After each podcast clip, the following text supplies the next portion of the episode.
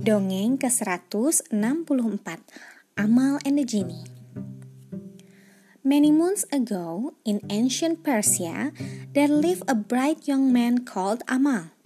He was out one day when he had a misfortune to meet a genie.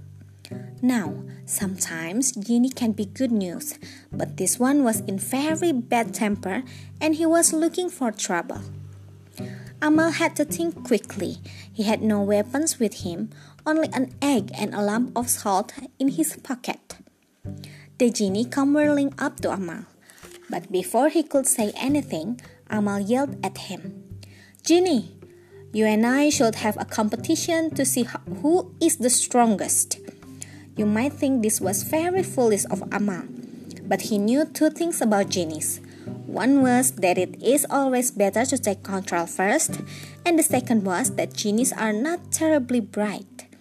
They are fine at conjuring up gorgeous palaces and flying carpets, but they are a bit slow when it comes to basic common sense. Well, the genie looked at Amal and then he laughed. It was not a nice sound, but Amal was not daunted.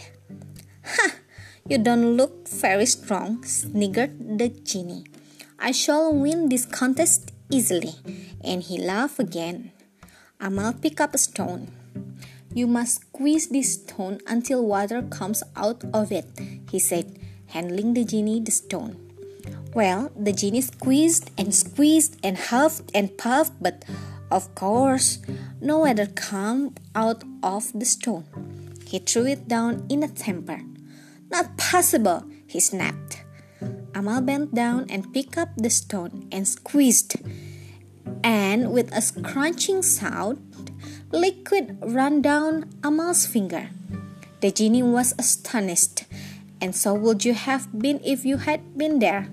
What clever Amal had done was to put the egg in the same hand as the stone.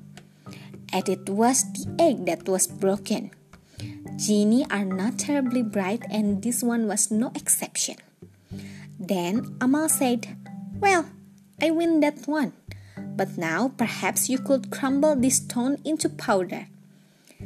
And he handed the genie another stone. Well, the genie squeezed and squeezed and huffed and puffed, but of course the stone did not crumble at all. Not even the tiniest bit. The genie threw it down in a temper. Amal picked it up and squeezed, and as he squeezed, powder fell from his finger with a grinding sound. The genie was astonished, and so would you have been if you had been there. But you can guess what clever Amal had done. He put the salt in his hand as well as the stone. The genie was feeling that his reputation was somehow, somewhat dented by Amal's performance, so he needed to get his own back. You are clear, clearly a great and mighty fighter, the genie said to Amal. I should like to give you a meal to celebrate your achievements. Come and stay the night with me. And he smiled. But Amal saw the smile and kept his wits about him. After a dreadful meal, they both lay down to sleep in the genie's cave. Once Amal was sure the genie was asleep, he moved to the other side of the cave, leaving his pillow in the bed to look as if he were still there sleeping. Then he watched. As the first light of dawn filtered into the cave, the genie woke up. He picked up a club, crept over to where he thought Amal was lying, and pounded the club down into the bed. Then he stomped out of the cave to fetch some water for his morning tea. You can imagine his dismay when, on returning, he found Amal singing to himself as he lit the fire. Morning, Genie! I thought I would get breakfast ready, said Amal cheerfully. I hope you slept better than I did, he continued. Some wretched insect battered me in the face during the night.